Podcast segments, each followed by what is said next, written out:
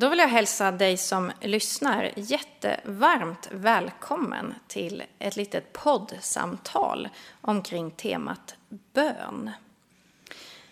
Här i vårt eh, område, här Ingarp och Höreda, så har vi en ekumenisk bönevecka tillsammans den här veckan. Inte bara vi såklart. Jag läste någonstans att det är 120 olika länder som är med och arrangerar den här böneveckan. Jag tror det heter bönevecka för kristen enhet.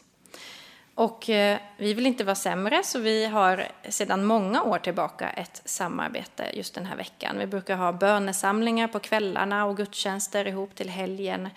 Ibland har vi haft kallade talare som har kommit och ibland har vi gjort det själva. Och ja, det brukar vara en väldigt fin vecka med god gemenskap där vi försöker lära känna varandra bättre och omsluta varandra i bön. Den här veckan har ju blivit annorlunda som så mycket annat det senaste året på grund av pandemin. Och det som vi från början hade planerat den här veckan har vi fått ställa in eller skjuta på eller ställa om eller hur, vilket ord man nu väljer. Men några saker blir det i alla fall den här veckan. Du som vill kan få vara med och fira gudstjänst på söndag. Vi kommer ha en inspelad gudstjänst då som sänds på Youtube tror jag. Den kommer ligga på våra olika hemsidor ehm, och finnas tillgänglig för dig som vill vara med då. Ehm, du som vill vara med och be under ett särskilt bönedygn den här veckan är jättevarmt välkommen att skriva upp dig på en bönetid. Någon gång 23 till 24 januari. Och länkar till den bönelistan finns också på våra olika hemsidor. Eller på våra Facebook-sidor. Ja, där är vi också aktiva. Och vilka är vi då? Ja, jag heter Johanna Fredriksson och jag är pastor och föreståndare i Equmeniakyrkan Ingarp. Och den här veckan så samarbetar vi med Värne Alliansförsamling, Svenska kyrkan i Hult, i Höreda och i Mellby, Markesta församling och Betelkyrkan i Hult. Vi gör det här tillsammans. Och jag har tre jättegoda vänner här med mig idag. Ni får presentera er själva. Till höger om mig, vem är du? Henrik Broman som är präst i främst Hult, Edshult och Höreda församlingar. Och jag heter Hanna Alenius och jag är präst i Svenska kyrkan i Mellby församling. Och Daniel Berner från Värne Alliansförsamling är pastor där. Härligt. Vad gott att få träffa er och få samtala om bön. Det här lilla, väldigt stora ämnet. Mm. Vi får se vad det här kokar ner till. Vi hoppas att det blir ett samtal från, från hjärta till hjärta och att du som lyssnar ska känna att, menar, att du insluts och att du är välkommen att tänka med oss. Och eh, tack och lov finns det ju inga experter i bön. Det finns människor, medmänniskor som också längtar efter att komma nära Herren. Och ja, i det är vi förenade. Men innan vi börjar vårt lilla samtal så tänker jag att vi ska be tillsammans. Och du som lyssnar, knäpp gärna händerna och var med. Tack Herre för att du är mitt ibland oss. När två eller tre möts i ditt namn så är du mitt ibland oss. Herre, vi ber att du ska välsigna oss den här stunden, att du ska leda vårt samtal och våra tankar. Herre, hjälp oss att få på olika sätt och från olika ingångar närma oss det här med bön som kan vara så fantastiskt enkelt men också så väldigt svårt. Herre, tack för att du är med alla som lyssnar. Du vet hur de har det just med det här med bön. Men tack för att du aldrig slutar söka oss och att det aldrig är för sent att få ett böneliv som känns välsignat. Mm. Tack för att du är här ikväll. Amen. Amen. Ja, vi har gjort så att vi har med oss vars en eh, liten tanke eller fråga eller fundering kring det här med bön som vi ska lyfta och samtala kring. Jag tänkte att jag bara skulle kasta ut en första fråga. Ehm, jag har en bok hemma som jag har läst med stor eh, behållning. Eh, jag tror att författaren heter Rosalind Rinker.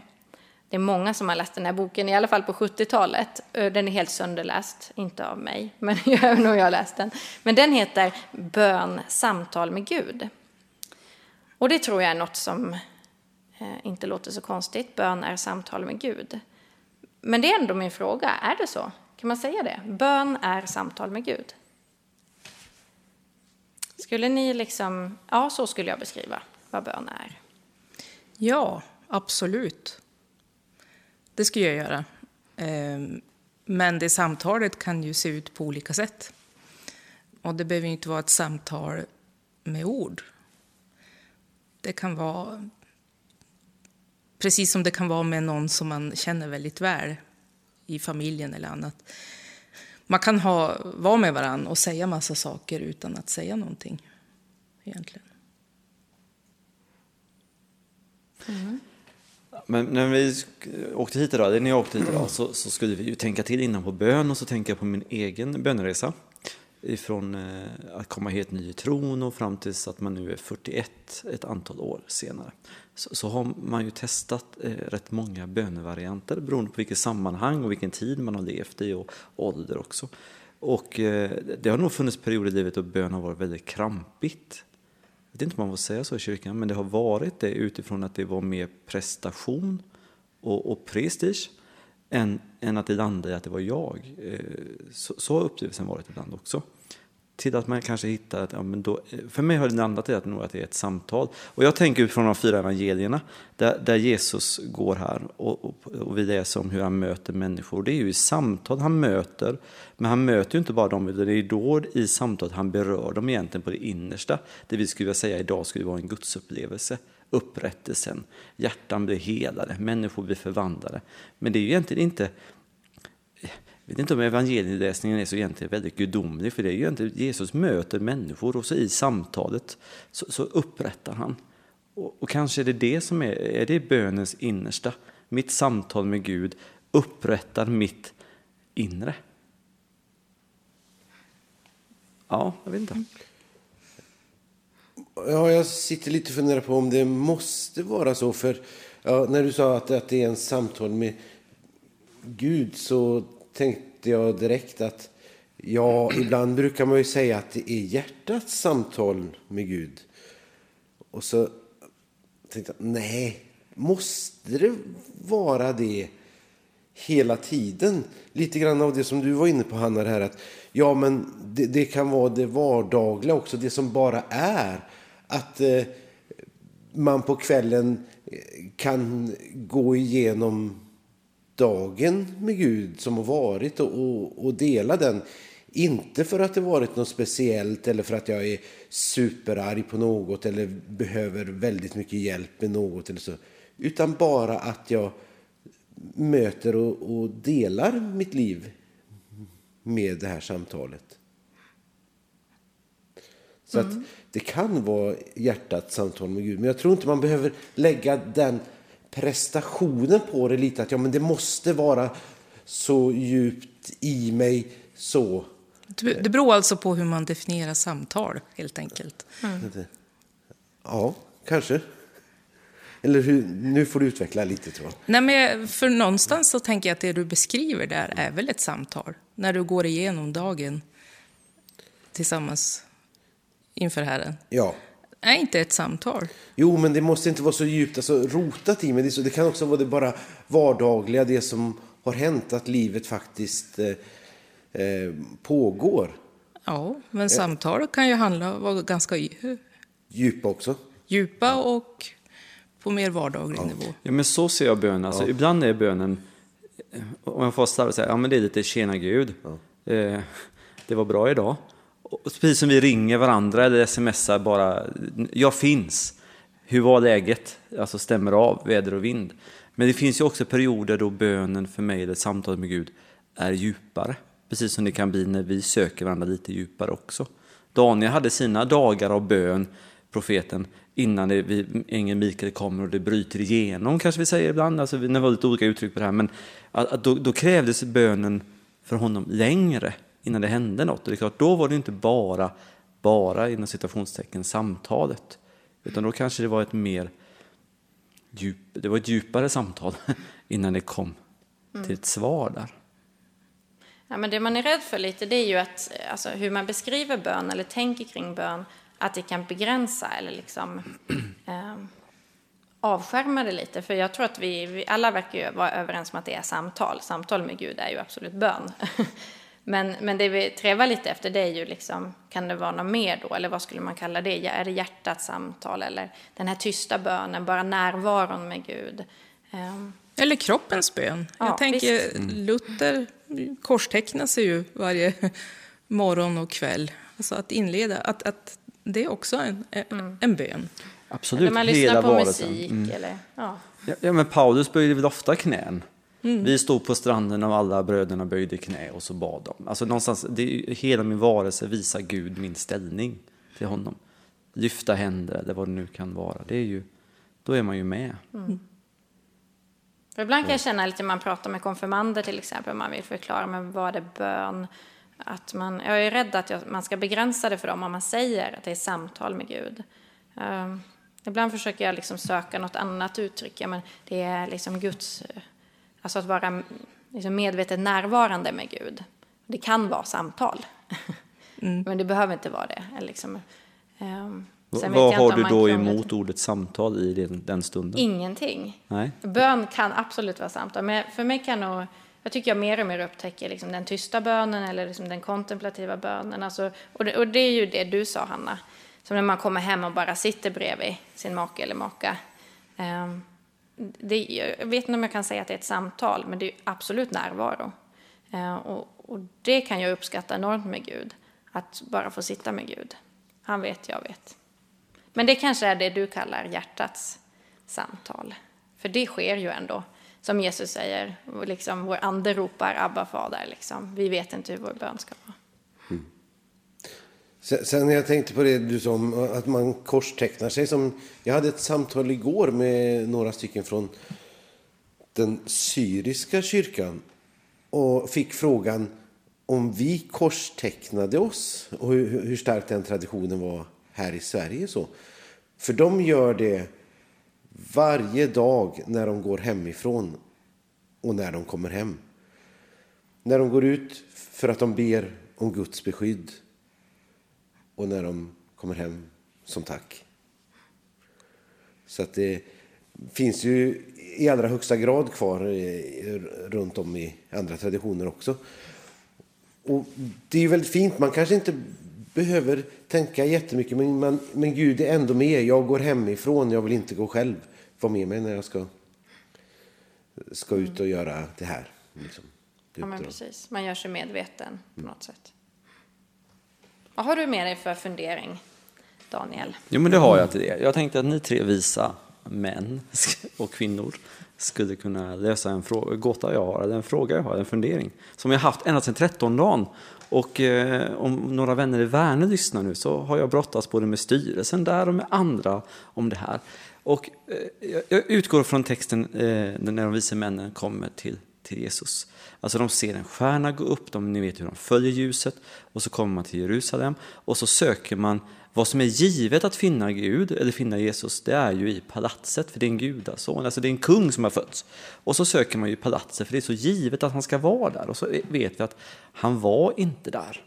Och så leder ändå ljuset eller stjärnan dem fram till där de finner, om vi nu säger stallet, eller i alla fall det står ju att de finner modern och så barnet. Och så går de in och där faller de ner och tillber och lämnar över guldröken som myra. Och, och så tar jag det till bönelivet, så tänker jag ibland är det så ibland att vi, när vi ber så är vi klara med bönesvaret. Alltså vi, vi ber utifrån att eh, Gud du ska lösa det här eller hjälp oss här. Och så i bönen är vi klara i tanke på hur Gud ska svara. Alltså vi tänker palatset, vi är färdiga åt Gud. Det är ungefär som vi säger, fixa detta nu då, lös det på det här sättet. På olika sätt. Jag tycker jag har ibland exempel på att det blir sådär. Och så kan Gud överrumpla med att bönesvaret är ett stall. Och eh, hur tacklar vi det ibland? Att bönesvaret blev ett stall. De vise männen de böjer sig ändå ödmjukt och tillber, fast det blev bara i ett stall. Medan man kommer som vise män från öster med allt vad man har och förväntar sig guldsalen i Jerusalem, men det blev ett halmhus där de fick böja knä. Eh, bitterhet, besvikelse, just det här med bönesvar. Eh, Vad har ni för tankar där? Alltså jag tycker ibland det, Det är svårt. Och även när jag hör andra be ibland så tänker jag, nu min kära vän, nu ber du som att Gud ska uträtta det här för dig. Tänk om han svarar på ett annat sätt, är vi beredda på det då? Men jag, jag tänker lite grann att vi, vi eh, kanske har en baktanke eller en önskan för hur det här ska, ska lösas. Och då blir det väl lite, jag har alltid tänkt att de där vise männen, de förutsatte också, därför tittar de inte så noga på stjärnan när de närmade sig. För då hade, tror jag att den hade ledit dem rätt redan från början. Men, ja, men nu är vi ju nära, nu vet vi hur det ska bli. Och så kommer de fel. Eh, men Intressant. eh, de är ju öppna då och de går ju sen efter stjärnan. Och någonstans tror jag att det, det är där det kan bero på hur vi tar emot ett annat bönesvar än det vi, vi tänker att så här ska det, ska det svaras eller så här ska det bli. Så att, eh, jag tror det handlar om att, att faktiskt eh, söka och se Jesus i det. Men jag kan ju bli arg på det sättet han svarar. Som människan i mig kan ju inte vara nöjd med hur Gud gjorde detta. Men med, med tiden så, tro- så tycker jag i alla fall att jag har börjat acceptera att det är som det är. Eh, inte framme helt, måste sägas. Men att kanske också med den erfarenheten att ibland ah, när jag har bett till Gud, när jag var yngre och särskilt, och så har jag fått precis det jag har bett om. Och sen visar sig att det var inte så bra. Så har man väl fått upptäcka att mina önskningar är kanske inte alltid så bra. Gud vet bättre ändå. Och så får man öva sig i den ödmjukheten att Men det är en ödmjukhet, att böja sig inför att Gud är Gud. jo, Och, och vi, ja, men vi, vi, alla i våra yrkesroller möter människor med sjukdom. Vi har varit vid de tillfällen där, där visst har vi ropat till Gud och bett och samtalat med Herren om att kanske ett helande ska ske. Och så sker inte det. Alltså vi sökte palatset och så blev det ett stall. Alltså hur, att ta emot det och ändå på något sätt ändå ödmjuka sig inför att Gud är Gud. Ja, men det, med, med, med tiden. Men sen också... Eh, jag var personligen... Jag bad jättemycket för en, en nära familjemedlem under många, många år. Vi var många som bad. Och vi provade, vi provade allt, kan man säga, i böneväg. Och det var just ett helande som vi, som vi behövde. Vi sökte ett palats och det blev ett stall. Men med tiden så, så är man tacksam för stallet också. Det är ändå ingenting. Men, men det har varit många bitar bittra nätter och tårar innan man accepterar, eller innan jag accepterar att det blir aldrig som vi ber. Men det här är gott nog. De Men fann sen- ju... ja. Mm. Men jag tänker vi... Alltså det andra alternativet skulle ju vara att vi liksom helt negligerade eller inte sa till Gud vad vi önskade. Det är det sämre diket, tänker jag. Han säger liksom, alltså låt mig veta alla era önskningar. Alltså vi måste ju vara sanna inför Gud. Är det det här som ligger på mitt hjärta och det är det jag önskar? Jag önskar mig palatset. Säg det till Gud. alltså det är mycket sämre att låtsas som att du inte önskar det. Eller alltså det blir någon sorts falsk ödmjukhet att nej men jag vill inte här. Eller Alltså säg det, tänker jag. Men säg i andra andningen, men låt din vilja ske. Alltså där har vi ju Jesus som vårt största exempel, tänker jag. Alltså om det är din vilja, Gud, låt den här bägaren gå förbi mig, men inte som jag vill, utan som du vill. Alltså vi måste få säga det där, tror jag, som vi önskar. Det är så viktigt. Det är ju det som är relation, sann relation. Men också liksom ta emot att Gud ibland säger, inte nu kanske, eller på ett annat sätt, eller ja, det är ju så. Men att inte säga vår längtan och våra önskningar, det tror jag inte är ett alternativ. Nej, absolut.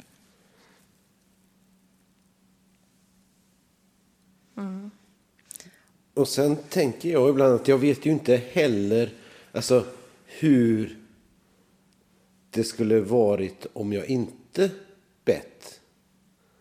Om jag inte hade lagt fram mina... Nu låter det som att man alltid önskar saker när man ber till Gud, men om jag nu lägger fram mina önskningar och hoppas att det ska bli på e-, ett visst sätt. Och sen så blir det vad jag ser i mina ögon som dåligt i alla fall. Um, så ja, det kanske har med åldern att göra, jag vet inte. Men just det att det finns, alltså att man också ska vara ödmjuk för att jag kan ju faktiskt inte veta hur ett annat, en annan utgång hade sett ut. Nej. Så att, eh, ja. Det finns en, en... Min favoritpoet, ska vi säga, hette Anna-Greta Wide. Och hon drabbades av cancer och dog ganska ung. Hon hade en kristen tro.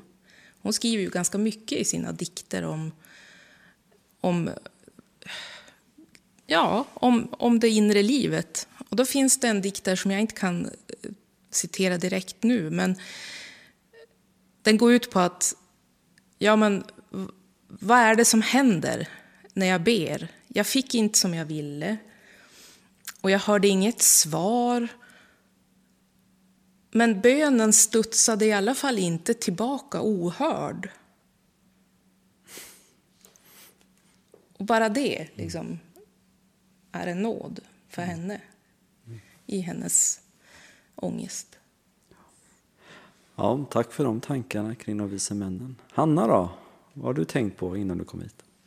Nej, jag är mest så här nyfiken på hur, hur ni föredrar att be. Lite personliga vittnesbörd här. Henrik? Ja, den var nästan lite inne på det som jag också hade funderat på och, och, och ta. Men eh, jag, jag, tänker eh, att jag tycker nog om att det finns många olika eh, sätt att be på. Eh, jag tycker om en fast form där jag eh, vet vad som ska hända. Jag ber ju tidigärden, bland annat. Det är ju en gammal böneform där man också eh, ha med saltaren. Och det är inte så mycket nytt under solen, men det finns en eh, trygghet i att det inte bara är min eh, prestation och att jag ber på ett sätt som man nu i kyrkan har gjort under väldigt lång tid. Och det är en rytm som gör att även när jag är trött så, eh, och inte så himskans pigg i huvudet så finns det ändå något jag kan luta mig tillbaka på. Sen tycker jag samtidigt om det som, jag vet inte vem det är som har hittat på uttrycket, men skottböner. Det är sådana här små böner som man kan skjuta av lite när som helst. Så här. Typ, hjälp Gud, tack Gud, Kyrie eleison. Ja. Det var ett uttryck jag aldrig har hört. Det var bra. Så att, att man kan bära med sig och, och man kan ha lite olika sådana här i bakhuvudet. Så att eh, när det är något som händer eller sådär så då slänger man iväg en sån där. Eh, när man möter ett blåljus så kan man be Kyrie eleison. Mm. Så att, det är svårt att säga vilken form som, som jag föredrar. Sådär. Nej, det kan vara flera man föredrar. Ja, ja. jag föredrar bredden. Ja. mm. ja, men jag håller nog med. Det är liksom som en lösgodisblandning där. Det blir inte komplett utan alla delar. På något sätt. Att jag, ryggraden i mitt eget böneliv är också tidigare, eller tidebönen. Men, men säga att man liksom, nu fråntas vi ju eh, gudstjänsten i gudstjänstlokalen och den gemensamma bönen. Jag saknade det något oerhört. Eh, och jag blir liksom påminn om vad viktigt det är för mig. Eh, men också den fria bönen. Eh, det, ja, det är som luft. Eller, det måste liksom finnas i den här mixen också. Ehm, ja, så det, det behövs olika, olika gånger och de fyller liksom alla sin funktion. Mm. Så, ja. Mm. Ja, om det är en godispåse så ligger nog eh, tysta bönorna kvar längst. Det är som lakrits i min påse. De, eh, de, eh, de tar jag när det inte finns något annat om jag bara måste, Hanna. Eh, jag trivs bäst i när det är så jag knappt hör min egen bön. Jag älskar det vi kallar kanske för bönebrus. De gångerna det är många på en plats och alla bara närmar sig Gud på något sätt med sina röster och med sin kropp kanske med i hängivenhet och så. Då, ja, då njuter jag rätt eh, gott faktiskt. Då, då känner jag här kan jag bygga mig en hydda och en åt Mose och en åt Elia och så blir jag kvar där för evigt. Men så får man gå därifrån och så känner man jag var på berget en stund och så kommer vardagen.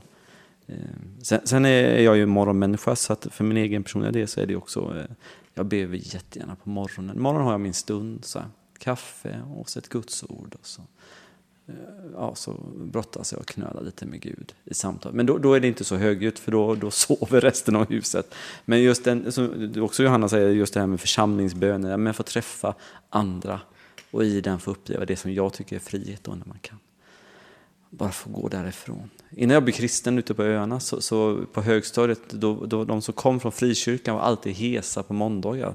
Det var jag alltså glada 90-talet, man hade bönenätter och ungdomskonferenser. Jag vet att jag fascinerade över alltså, vad är det de gör? Eftersom de alltid har spruckna röster på, på måndag månad. Och då visste man, det var också, det var de som var pingstvänner. De, de, de lät så på måndagen och så blev det lite bättre framåt fredagen. Och så. Det, det förstod vi utan att du sa Ja, du tyckte så, ja.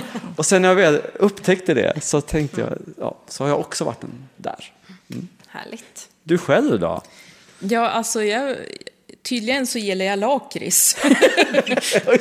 Eller eh, bönornas lakrits. Nej, men jag trivs jag, jag, är lätt distraherad som människa. Mm. Så jag trivs med former. Alltså, det är bra när alla ber samma bön. Och det är bra att få be ensam. Men det är fantastiskt också att få be tillsammans med, med de andra i församlingen på högmässan. Och att få liksom alla bönerna på en och samma gudstjänst. Vi kommer att be om förlåtelse, vi kommer att lovsjunga, vi kommer att be om förbarmande, vi kommer att be för andra. Alltså att, ja. Men, men eh, tidigärden använder jag också emellanåt. Det är som att det kommer och går lite i perioder. Mm. Mm.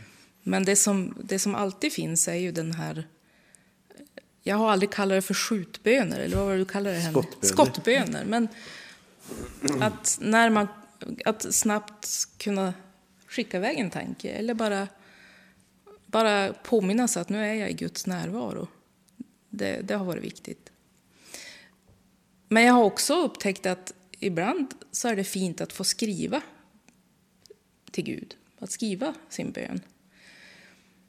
Inte för att den ska läsas upp någonstans, men för att hjälpa mig att formulera det som jag behöver få formulera. Gud vet det ju för sig ändå, men för att jag ska se vad det är jag behöver berätta för Gud. Så det, det är en gottepåse även för mig. När Paulus skriver till församlingen när det är i Thessaloniki att be ständigt, mm. vad tror ni han menar då? Skottbön ständigt? Någon sorts tyst lakritsbön? Vad, liksom, vad menar han? Frank Mangs fick väl frågan på Hönökonferensen en gång i tiden om eh, hur, hur, hur ofta ber du? Och han svarade ungefär så här att ja, jag gör det tolv timmar, för det är hans vakna tillstånd. Och sen när han kom hem och ångrar han sig att anden ber ju under nattens timmar. Så han fick gå tillbaka sen, men jag mm. ber ju ständigt och jämt. Mm. Men då menar han liksom ja, men anden i honom? Ja, precis. Liksom Ropa till Gud. Ja. Mm. mm. Så står det ju skrivet. Och det är väl vår bön, när anden i mig ropar ständigt till Gud och så ibland får jag sätta ord på den. Mm. Hoppas jag i alla fall. Men så tänker ni alla så att bön är egentligen då mer någonting som man faller in i? Alltså det pågår liksom, men jag gör mig medveten om den. Eller jag, kan man säga så då? Jag vet inte, jag sitter och just och funderar på det här hur, hur man ber ständigt. För eh, då jämställer vi kanske bönen lite också med det här att, eh, eller gör vi inte det? Att eh, jag har en trygghet i Gud, att jag vet var jag hör hemma, att jag står fast i min tro. Men är det samma sak som att be? Eller är det så att man då kan se att om, om man är mm, trygg i att få faktiskt tillhöra Gud så eh, tillräckligt länge så hamnar man i ett sånt tillstånd? Eller jag, jag funderar lite på, på detta. Jag har ju låtit bokcirkeln i Mellby läsa Broder Lorenz av Uppståndelsen. Eh, han levde på 1600-talet och var karmelit lekbroder. Först hade han varit med som krigare i 30-åriga kriget och blivit misshandlad av svenskarna. Eh, så det är ju... Nå, men han blev så, så småningom munk och han, han var i köket. Han jobbade med att laga mat och diska och han levde ett ganska enkelt kristet liv. Jag tror att många av idag skulle kunna känna igen sig i hans sätt att, att leva. Han var inte så jätteintresserad av dogmer och läror, utan han bad ständigt. Eller han, han övade sig på att alltid vara i Guds närvaro. Eller vara medveten om Guds närvaro.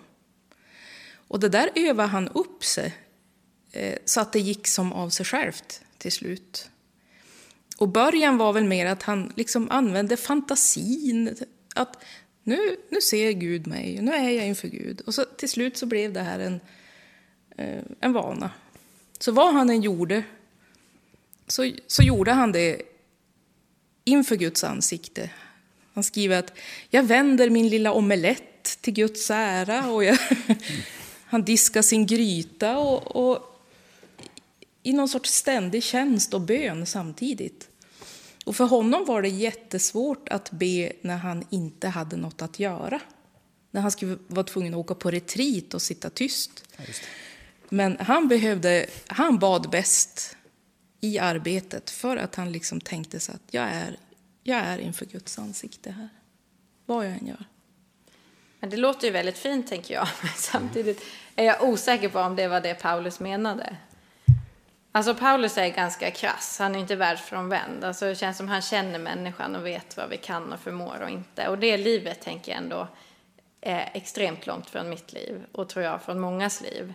Som är liksom, ja men det händer grejer liksom och man ska vara och fokusera och liksom vara, att liksom leva i någon konstant närvaro där jag tänker på Gud, det, det tror jag väldigt få kan känna igen sig i. Men man kanske kan så här, när man står där och, och, och barnen skriker och de vill ha mat.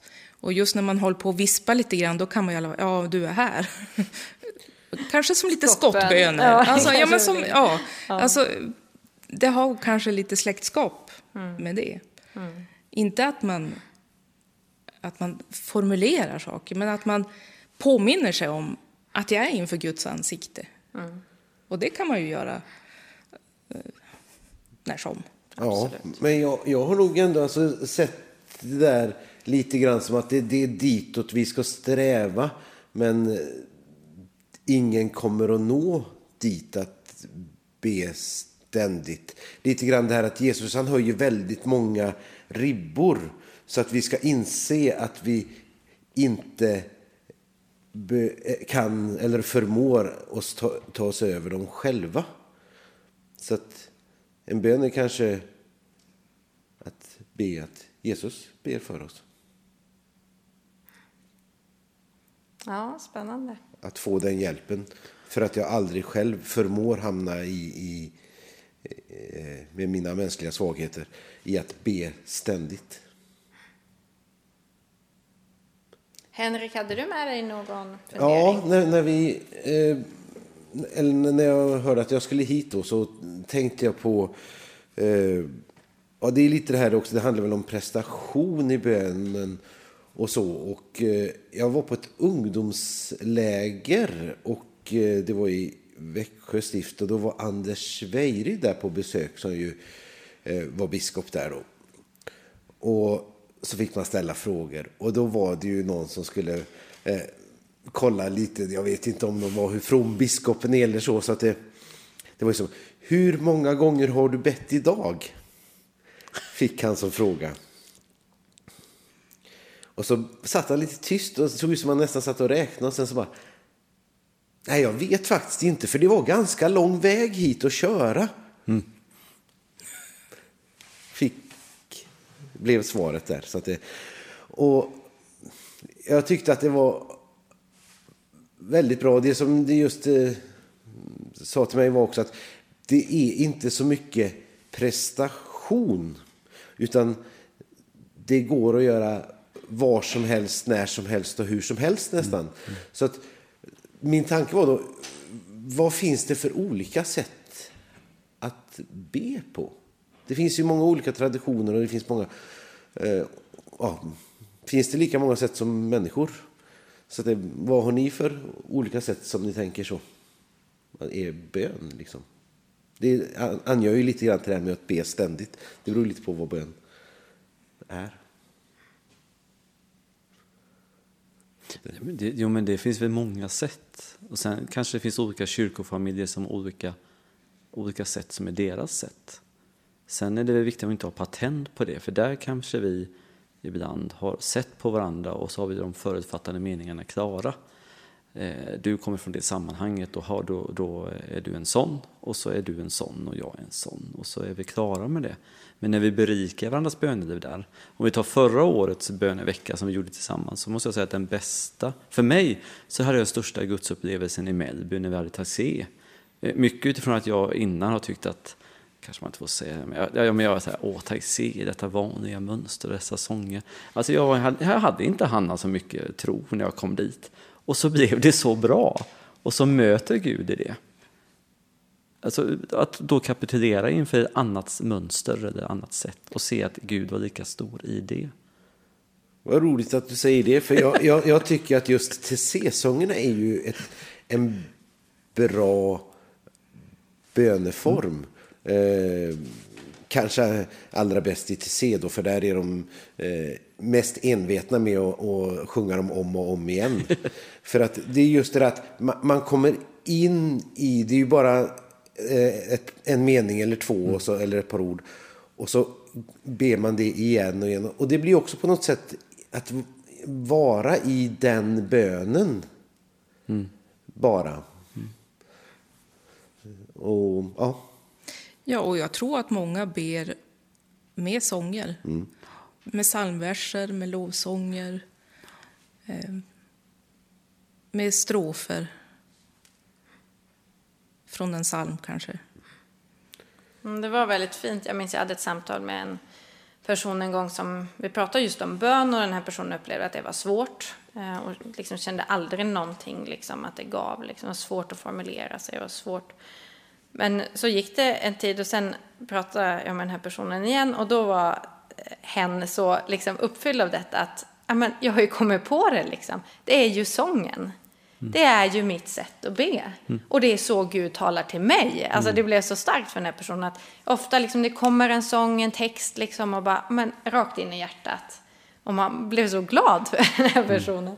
Vilken fantastisk gåva att, ja, både att bönen har blivit större men också ja, men, närheten till Gud fick helt nya dimensioner. Och så tror jag verkligen att det kan vara. Mm. Så känner man att det är bökigt, liksom, pröva något nytt då.